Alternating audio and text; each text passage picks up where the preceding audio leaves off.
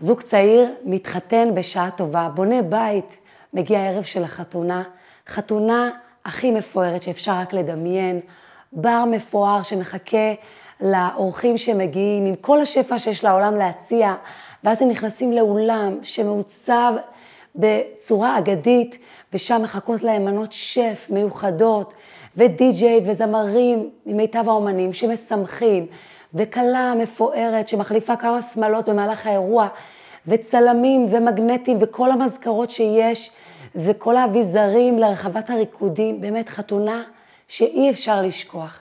ויום למחרת, או אחרי כמה ימים, הם חוזרים לשגרה, צריך לשלם חשבונות, יש כלים בכיור, יש כביסה, חיי היום-יום. אבל החתונה הייתה כל כך מפוארת. בסדר, מפוארת ככל שתהיה, גם אחרי החתונה הכי מפוארת, יש את היום-יום האפרורי, ועכשיו זה הזמן ללמוד, לחיות כזוג, לנהל חיים, אוהבים, בית שאלוקים שוכן בו. החתונה היא רק ערב אחד. וזה מה שאנחנו רואות בפרשה הנוכחית, אחרי פרשת יתרו, שאירע באירוע הדרמטי של מתן תורה, פתאום נחיתה בבת אחת, פרשת משפטים, שגרה אפרורית, מצוות יומיומיות והכי יבשות שיש. איך כל זה קורה? כבר נסביר, ואתן מוזמנות להירשם כבר עכשיו כמנויות לערוץ, כדי לקבל מדי שבוע עדכון על פגישה חדשה עם פרשה חדשה, שתיתן לכם כוח ותובנות וכלים לחיים יומיומיים, מוארים ומלאי חיבור ושמחה. אז באמת, בפרשה הקודמת, פרשת יתרו, נחשפנו למעמד המרגש של מתן תורה. הקדוש ברוך הוא התגלה בעולם, ציפור לא צייצה, הבריאה כולה הייתה במצב של שקט, של הלם, עומדת ניצבת לשמוע את קול השם. כמה מרגש, כמה מיוחד. עם ישראל מקבל את התורה, והנה מגיעה פרשת משפטים, נחיתה דרסטית לחיי השגרה, ליום-יום, להלכות הכי אפוריות שיש. איפה האורות של פרשת יתרו? למה שהפרשה הבאה לא תעסוק ב ואהבת את השם אלוקיך, או משהו קצת רוחני יותר? למה בבת אחת הלכות ודינים של עבד עברי, של גזל, של ממון, של נזקים. למה? מסבירה לנו תורת החסידות שזו המטרה שניתנה התורה. התורה לא ניתנה כדי שנהפוך להיות איזה אנשים רוחניים שעפים מעל הזמן והמקום וכל היום חיים את ההתגלות האלוקית. התורה ניתנה כדי שאנחנו ניישם אותה בחיי היום-יום, בשגרה האפרורית, נקדש אותה ונביא לתוכה אור, ותכף נראה גם איך. התורה לא ניתנה כדי שהעולם יישאר במצב שבו הוא היה במתן תורה, שציפור לא צייצה, וכולם היו עצורים, עומדים, רוצים לשמוע את ההתגלות האלוקית. התורה ניתנה כדי שכל הבריאה תמשיך להתנהל בצורה טבעית, ובמקביל אנחנו נאיר אותה ונקיים בה את הרצון של השם כמו שהוא מביא לנו בעשרת הדיברות ובכל המצוות המסתעפות מהם. אז למה, אם כן, לקרוא לפרשה משפטים? אנחנו יודעות שהתורה, המצוות שבה, ומי שלא יודעת, מתחלקות לשלוש קבוצות, עדות, חוקים ומשפטים. החוקים הם המצוות שאי אפשר להבין אותם, פשוט אי אפשר להבין, כמו שעטנז, פרה אדומה, כל מיני דברים שבאמת מקיימים רק כי השם אמר, אי אפשר להבין את ההיגיון שלהם.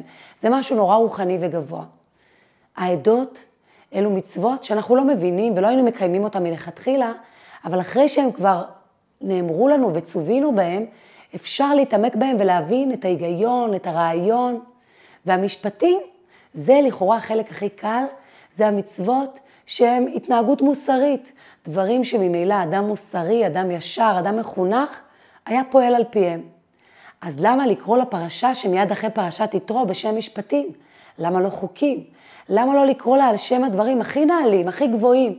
הרי משפטים לכאורה היינו מקיימים גם בלי שתינתן התורה. אז למה? בשביל זה היה צריך שתינתן תורה? בשביל שפרשה לאחר מכן תיקרא משפטים, דברים שממילא אנחנו מקיימות? ואם כל כך חשוב לקדש את השגרה ואת היומיום, אז בשביל מה בכלל היה צריך מעמד כל כך מיוחד של מתן תורה? למה מלכתחילה לא הובאו לנו המצוות בצורה פשטנית, יומיומית, שגרתית? והתשובה היא, תשובה מורכבת מכמה תשובות. אז קודם כל, צריך גם את מתן תורה וגם את היומיום שבא לאחר מכן. מתן תורה, החתונה הרוחנית הזאת, זה מה שנותן לנו אחר כך כוח באפרוריות היומיום, להיזכר, רגע, הדברים האלה שאני עושה, זה אלוקים ציווה אותנו. הוא נתן לנו את התורה, מעמד הר סיני, שהוא מעמד שהוא בסיס של האמונה, וברגעים של אפרוריות, של חוסר כוח, של חוסר חיבור, אני נזכרת בזה ומקבלת כוח, כמו אותה כלה שנזכרת ביום החופה שלה, ברגעים האלה של אהבה אבסולוטית, שהיא כמעט שכחה לאכול ולישון מרוב אהבה, וברגעים האפרוריים אחרי זה, או ברגעים קשים, היא נזכרת ומקבלת מזה כוח להתנהל באהבה גם ברגעים שהיא לא כל כך מרגישה את זה בצורה מוחשית כרגע. זאת אומרת, צריך גם את הרגע הזה של הוואו, את הרגע הגדול, וגם את השגרה היומיומית שלתוכה אני מכניסה את האהבה ואת הרגש שאותו העצמתי וקיבלתי בהיקף הכי גדול ביום של החתונה, ביום של מתן תורה. אז למה לקרוא לפרשה דווקא משפטים? בגלל שמסבירה לנו התורה, שגם את המשפטים, גם את המצוות, שאולי היית ממילא מקיימת, שאת מבינה אותם על פי היגיון, את צריכה לקיים אותם ממקום שאלוקים אמר, ולכן אני עושה. למה? מה העניין? הוא רוצה שאני אבטל את האגו שלי, למה? התשובה היא, כי אם אני מקיימת את זה בגלל ההיגיון שלי, אז קודם כל, אני לא עושה באותו רגע את הרצון האלוקי. אני לא עושה את זה בגלל שזה רצונו. והרצון האלוקי, כשאני מקיימת את רצונו, אני הופכת להיות צינור. רצון וצינור זה אותן האותיות, ודרך הצינור הזה עובר אליי שפע. אני יכולה לעשות את אותו דבר, אבל ממקום שהוא לא מחובר ולא מתכוון למה שהשם רצה, ואז לא עובר אליי שפע רוחני כמו שעובר כשאני עושה את הדברים כי זה רצונו. ותכף אני אסביר גם למה. אם אני עושה על פי ההיגיון שלי, אז נגיד שהיום אני מה זה בטוב ומה זה בא לי להיות חיובית לאנשים, אז אני מתנצלת אם עשיתי משהו לא בסדר, אני מתחשבת, אני משלמת על נזק שעשיתי, אבל מחר או מחרתיים אני במצב לא טוב ולא אכפת לי עכשיו מאף אחד, אז יאללה, אין משפטים. או נגיד, אני יודעת שאסור לגנוב, אבל יש איזו חברה מאוד מאוד עשירה, שיש להם שפע ענק ויש לי גישה אליהם, אז אני אהיה איזה רובין הוד, ויקח מאותה חברה ויחלק לאנשים שאין להם, כי ממילא יש לחברה הזאת המון והם לא ישימו לב. על פי ההיגיון שלי זה יכול להיראות לי משפטים, זה הוגן, אבל לפי ההיגיון האלוקי זה לא הוגן. זה לא אני שיחליט ממי לקחת ולמי לתת. יש כאן צדק, למי שזה שייך, זה שייך לו. אם הוא יחליט לתת, זו הבחירה שלו. ולכן, כשאני מקיימת גם את המשפטים ממקום שמחובר לקדוש ברוך הוא, אין לי איזה עליות וירידות של חשק ומצב רוח וההיגיון האישי שלי והאגו שלי. אני עושה כי זה רצונו, אז גם בדברים הקטנים אני מקפידה וגם בדברים הגדולים. אני לא אגיד, טוב, זה בסך הכל עט שלקחתי משם, לא. זה גם גזל. טוב, בסך הכל הדפסתי דפים במשרד שהם לא שייכים לעבודה שלי. לא, גם בזה צריך להקפיד, כי אני עושה את רצונו. וזה מה שהופך אותי להיות צינור. וכתוב לנו, אלה המשפטים אשר תשים לפניהם. מה זה לפניהם? מסבירים שלפניהם זה לפרוס לפנינו את המצוות כמו שולחן ערוך, שזה יהיה ברור, שזה יהיה נגיש. למה? כי אז אני אקיים את הדברים ממקום פנימי, לפניהם לפנימיותם, לפנים שלהם. אפשר לקיים את הדברים ולעשות אותם כמו רובוט. הוא אמר, אני עושה. לא מרגישה, לא מחוברת, לא מתלהבת. אז אוקיי, זה לא שלא עשיתי, זה עדיף מלא לעשות בכלל. אבל כאן אני לא מרגישה בפנימיות שלי את ההתרגשות, את החיבור, את ההתלהבות, ואז אני לא מספיק צינור. כי כדי להיות צינור, כדי שהאור הזה יעבור דרכי, אני צריכה לשים את האגו שלי בצד ולעשות כי הוא אמר. והוא אמר, זה אומר שאני מאמינה שהוא ברא אותי, הוא ברא את הנשמה שלי, הוא יודע מה טוב לי, ולכן כשאני עושה את רצונו, אני עושה טוב עם עצמי, אני מיטיבה איתי. ואז אני עושה ממקום הרבה יותר מתלהב, אנרגטי, אני רואה את ה, את ה, איך זה מיטיב איתי, אני שמחה, אני אפילו מוסיפה יותר, כן? כי אני מבינה שזה לטובתי, ולא רק כי הוא רוצה לעצמו, הוא רוצה לטובתי העליונה. גם אם זה קשה לי, גם אם אני לא רואה מיד את התוצאות. אז אוקיי, בסדר, אז הפרשה נקראת משפטים, כדי שגם את החוקים וגם את העדות, את הכל, גם את המשפטים, נקיים ממקום שזה הרצון האלוקי ואני עושה את רצונו. אבל למה המצווה הראשונה היא דיני עבד עברי? מה זה רלוונטי? עבד עברי מי היום מכירה איזה עבד עברי סביבה? ולא רק זה, כשעם ישראל יצא ממצרים, הם יצאו והיו עשירים גדולים מאוד. ממש לא הייתה סיבה שהם ימכרו את עצמם לעבדים, כי הרי אדם מכר את עצמו כשהיו לו חובות ולא היה לו אפשרות לשלם, וכך הוא בעצם שילם את החוב על ידי העבודה שלו, אצל אותו מעסיק, הוא מכר את עצמו. אז למה זה בכל זאת רלוונטי אלינו? מסבירה לנו תורת החסידות שעבד עברי זה משהו שקשור לכל האופן שבו אנחנו ניגשות לקיום התורה והמצוות. זה הכי רלוונטי אחרי מתן תורה. ועכשיו נסביר. התורה ניתנה ואלוקים הוציא אותנו ממצרים, והוא אומר, כי לי תהיו עבדים, ממלכת כהנים גוי קדוש, אתם תהיו עבדים שלי. ואנחנו רוצות לפעמים, בלי שנרצה, זה קורה לנו, שאנחנו נהיות, נהיות עבדים של כל מיני דברים אחרים. ויש כאלה שיתקוממו ויגידו, מה פתאום, אני עבד? אז כן, אם תחשבי היטב, יש איזה משהו בטוח, שלפעמים את הופכת להיות עבד שלו. לפעמים אני עבד למעמד החברתי שלי, לנראות שלי בעיני הזולת, מה יגידו עליי, איך אני אראה, ואני יכולה לעשות כל מיני דברים שהם לא לגמרי תואמים לצו המצפון שלי, רק בגלל אולי שזו, זה מה שהחברה מצפה ממני, זה מה שיהפוך אותי להיות אדם מוכר יותר, מוערך יותר. לפעמים אני עבד, ואני מדברת אני, זה כל אחת מאיתנו, למעמד הכלכלי, איך אני ארוויח יותר, איך יהיה לי יותר. כל היום מחשבות על כסף, על פרנסה, שלא נותנות מנוח. לפעמים אני עבד למראה חיצוני, כל היום דיאטות וטיפולים וטיפולי פנים וקרמי ואין לזה סוף כי אני צריכה להיראות מושלם. לפעמים אני עבד לחדשות, אני רוצה לדעת את הכל. כן, לפעמים זה בא ממקום חרדתי של אדם שפוחד שמשהו יפתיע אותו, אז הוא רוצה לדעת מראש הכל. ואחת היא עבד לקניות, כי חושבת שזה מה שישמח אותה. ואחת עבד לניקיונות, ואחת בכללי היא עבד לפרפקציוניזם, וכל דבר שהיא עושה זה חייב להיות מושלם, והיא משלמת בשביל זה מחירים של שעות שינה ולחץ נפשי, שכל הסביבה שלה שמשלמת בשביל זה מחיר, כדי שהכל יהיה מושלם, וכמו שאני אומרת, מושלם הוא רק בורא עולם. אז אומר לנו הקדוש ברוך הוא, כי לי תהיו עבדים. התורה ניתנה לכם כדי שתהיו עבדים שלי. למה? כי על ידי זה שתהיו עבדים שלי, תנצלו מכל העבדויות האחרות, ותכף נסביר את זה. אז אותו עבד עברי, זה אדם שנאלץ למכור את עצמו לעבד, אבל אחרי שש שנים מגיע לו להשתחרר. ובכל זאת הוא מבקש להישאר שם בבית אדוניו. אז מה עושים? אני זוכרת את זה עוד מהגן, כמה זה צמרר אותי, שרוצים את אוזנו, כן? רוצים את אוזנו, פעולה פיזית ממש מוחשית, שהאוזן הזאת, ששמעה והייתה על הר סיני, וידע שהקדוש ברוך הוא רוצה שנהיה עבדים שלו, ובכל זאת הוא מבקש להישאר עבד, אז מגיע לו שירצו את אוזנו, כדי שכולם יראו.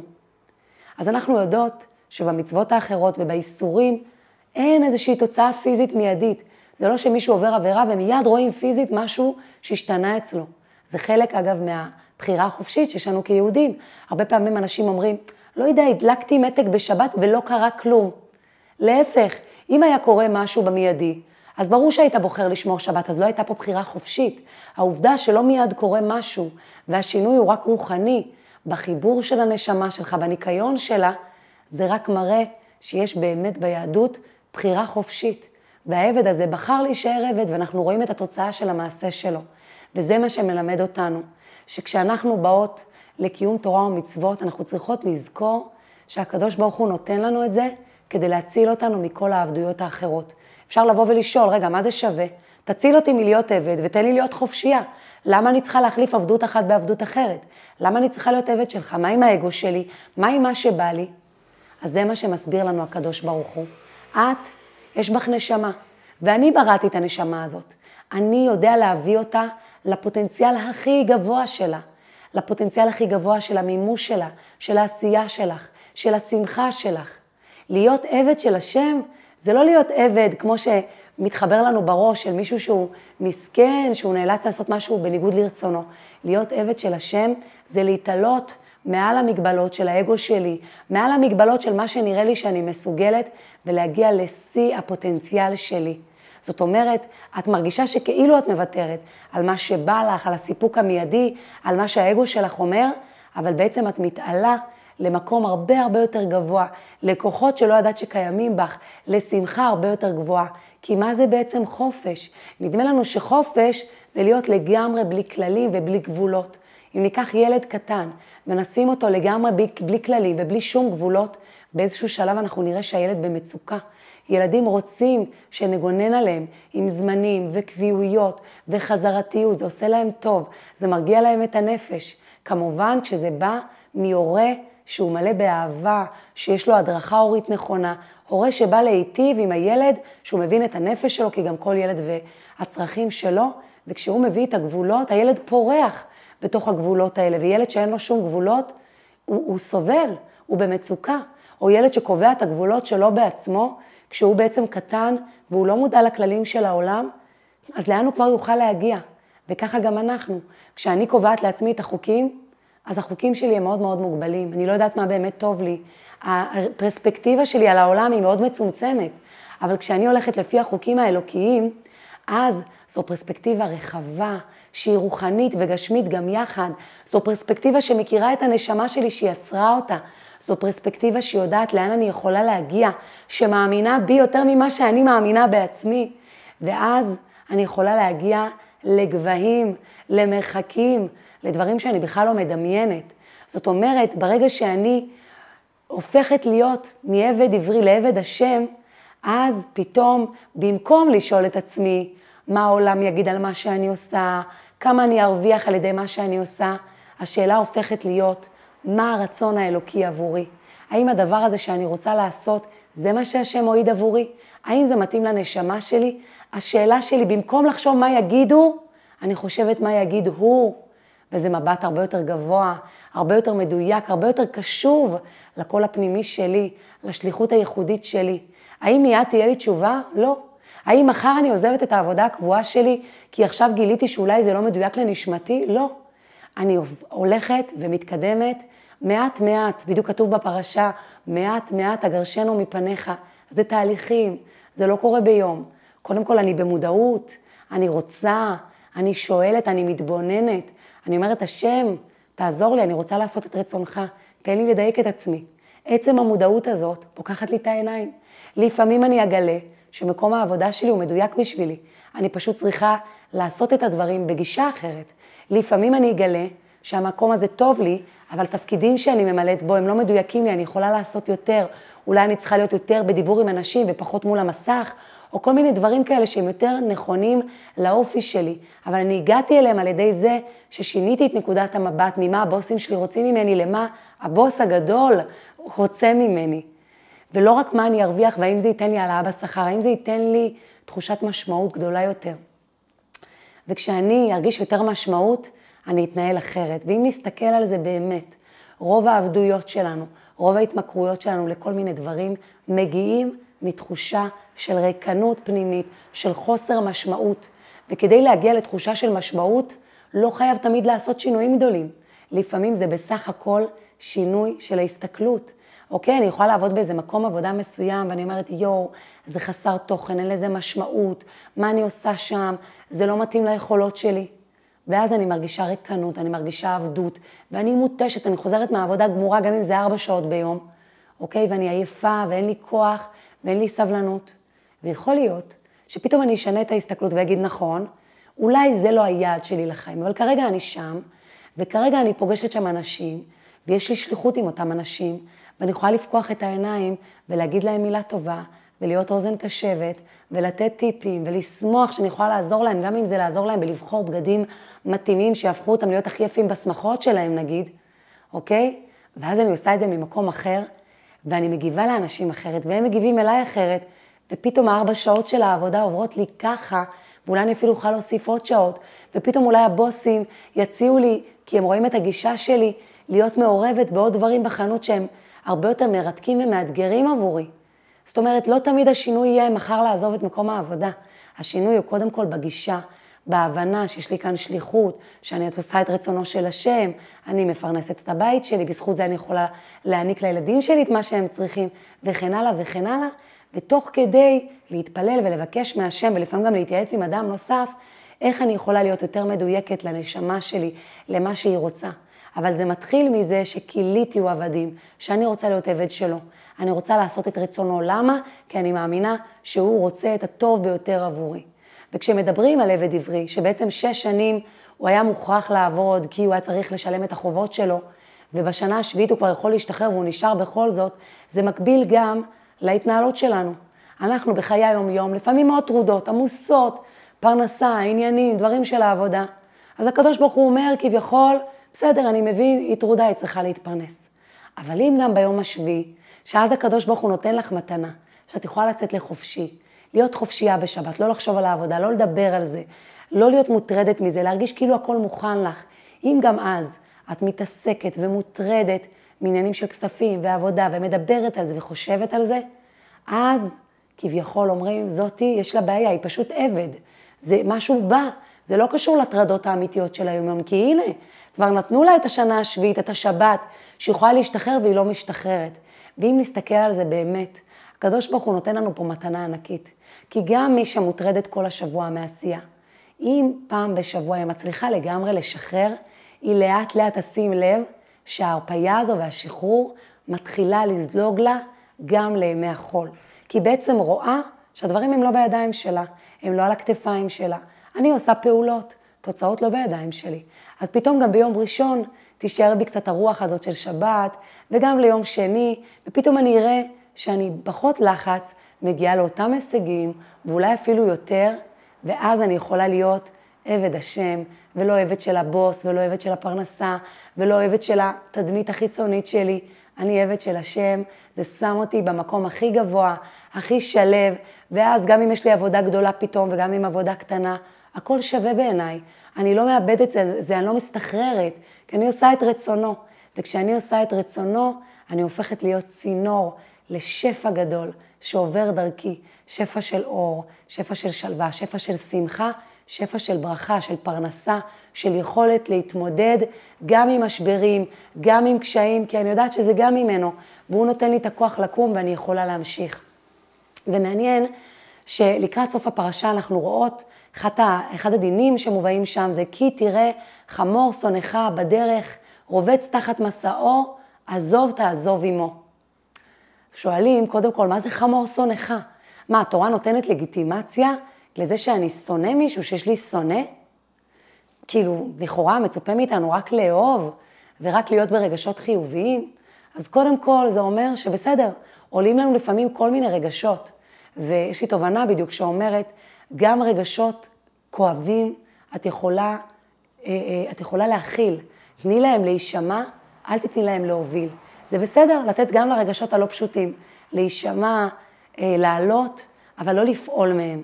לא לפעול מכעס, לא לפעול מתסכול, לא לפעול מקנאה, לפעול מאהבה, מאמונה, מביטחון, משמחה, מאחריות, מרגשות חיוביים, לא לפעול מאשמה, גם אם אני מרגישה אשמה, להקשיב לאשמה, להשתדל להפוך אותה לאחריות ולפעול מאחריות. כי אם אני עושה מעשים מרגשות שליליים, אז איזה תוצאות כבר יהיו לי, כן? אני הרי רוצה להיות צינור, וצינור שמחובר להשם, הוא פועל ממקום של רגשות חיוביים. אז למה לא אומרים לנו, אם תראה חמור שונאך, תאהב אותו. מה זה עזוב תעזוב עמו? קודם כל אל תשנא אותו. אז מסבירים שהתורה פה נותנת לנו טיפ. עזוב תעזוב עמו, תעזור לו. אם תעזור לו, אתה בטוח לא תשנא אותו. אחרי המעשים נמשכים הלבבות. כשאני עושה מעשים של אהבה, אני מרגישה אהבה. אפרופו הזוג שפתחנו איתו, אז עם אותה אישה, גם אחרי שעבר הרבה זמן מהחתונה, והיא מרגישה מתוסכלת, והיא מרגישה לא מוערכת, ותמיד יש כן כל מיני אה, קשיים וטאקלים עד שלומדים לתקשר כמו שצריך, וגם בהמשך, הילדים גדלים, באים עוד אתגרים. אבל אם היא עושה פעולות של אהבה, מתוך ביטול, מתוך רצון שה, שאלוקים ישכון בבית שלה, שיהיה שלום בבית, אז הרגשות מגיעים. פעולות של אהבה מביאים אהבה. ואם אני עושה פעולות של שמחה, זה גורם לי להרגיש שמחה. זאת אומרת, אני אעשה פעולות השתנו לי הרגשות. ולפעמים זה לעשות פעולות בכוח, לא בא לי, אבל אני עושה, ואחרי שאני עושה אני מרגישה אחרת. והדוגמה הכי פשוטה לזה, אפרופו שמחה, זה אפילו החיוך, כן, שאנחנו ככה אה, עושות חיוך, זה משנה את התחושה שלנו מבפנים. אז באמת, לעשות פעולות, אפילו פיזיות, לשים שיר, לרקוד, זה משמח אותי, כנ"ל לגבי פעולות של אהבה. גם אם יש לי איזה קושי מול הילד שלי, ואני ממש לא מרגישה כלפיו אהבה עכשיו, אז אני קודם כל, אפרופו מתן תורה, נזכרת במתן תורה בחתונה, ברגע הזה המרומם שילדתי את הילד הזה, בתינוק המושלם שהוא היה, בפלא הזה שאני זכיתי להביא לעולם. אני מסתכלת על המתבגר הזה שכרגע מכעיס אותי, או על הילד הזה שעוד פעם אומר לא ולא מקשיב, או זורק דברים, או, או בועט על הרצפה, או, או לא מקשיב לי בכלל, שכרגע ממש קשה לי להיזכר בכמה הוא מתוק, ואני מעוררת בי את הרגשות האלה של המתן תורה, של אותו רגע מדהים, אלוקי, שהרגשתי שאני פשוט זכיתי להביא ילד אלוקה, כן, חלק אלוקה, להוריד נשמה אלוקית לעולם, ואז כבר יש לי יותר רגשות של אהבה, ואני עושה גם פעולות, מכינה לו משהו, מחבקת אותו גם כשקשה לי, ופתאום האהבה מתעוררת, וגם האהבה שלו מתעוררת, וההתנהגות משתנה לגמרי. אבל יש גם הסבר של הבעל שם טוב שאומר, כי תראה חמור שונאך בדרך רובץ תחת מסעו, עזוב תעזוב עמו. לפעמים אנחנו נמצאות במצב חמור שונאך, שהחומריות, החומר, הגוף שלנו, אנחנו שונאים אותו והוא שונא אותנו. יש איזה ניתוק בין הגוף לנשמה. אני זוכרת שהיו לי תקופות כאלה, שהייתי לומדת ועושה פעולות, וכאילו אומרת לגוף, זוז, אל תפריע לי, אתה אל תתערב.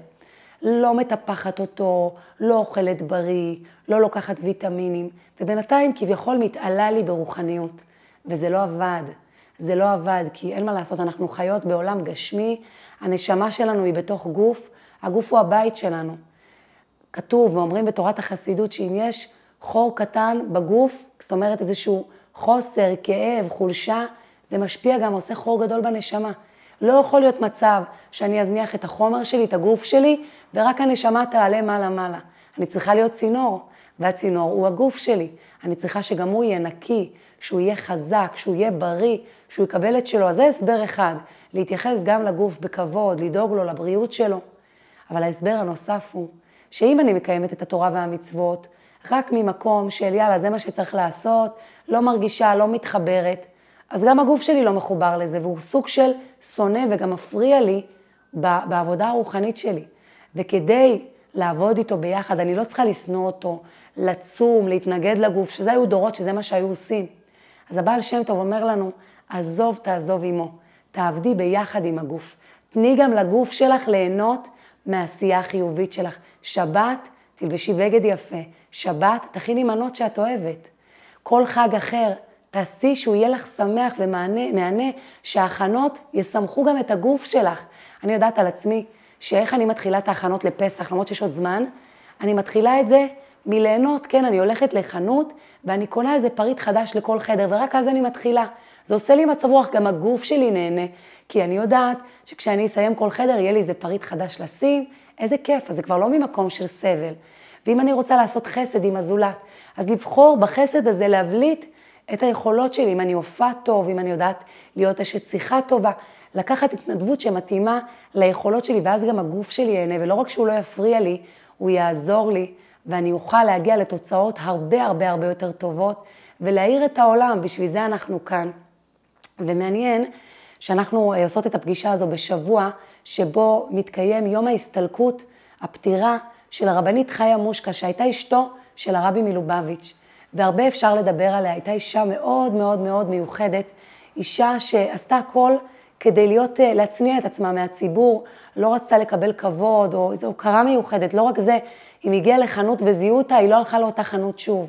היא ממש נעמדה מאחור מתוך בחירה, להיות מאחורי הקלעים של העשייה של הרבי. והסיפורים המעטים שיש עליה הם סיפורים של אצילות וגדלות ביום-יום, בחיי השגרה.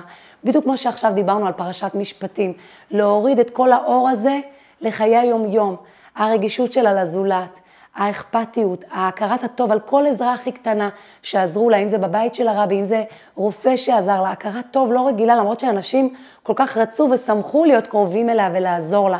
והרבנית הודתה על כל דבר באופן מיוחד, ועוד ועוד סיפורים של נתינה וחסד, שהם באמת אה, אה, מראים את הגדולה שבקטנות, שבמעשים הקטנים, שזה משהו שכל אחת יכולה לקחת אליה. לעשות מעשים קטנים, לעשות אותם מכל הלב, ברגישות, באהבה ובאכפתיות. אז אה, מספרים על הרבנית שבאחד המקרים ראיינו אותה, זה היה מקרה מאוד נדיר, ושאלו אותה, מה יהיה הרגע הכי אה, מרגש, הרגע הכי שמח בחיים שלך?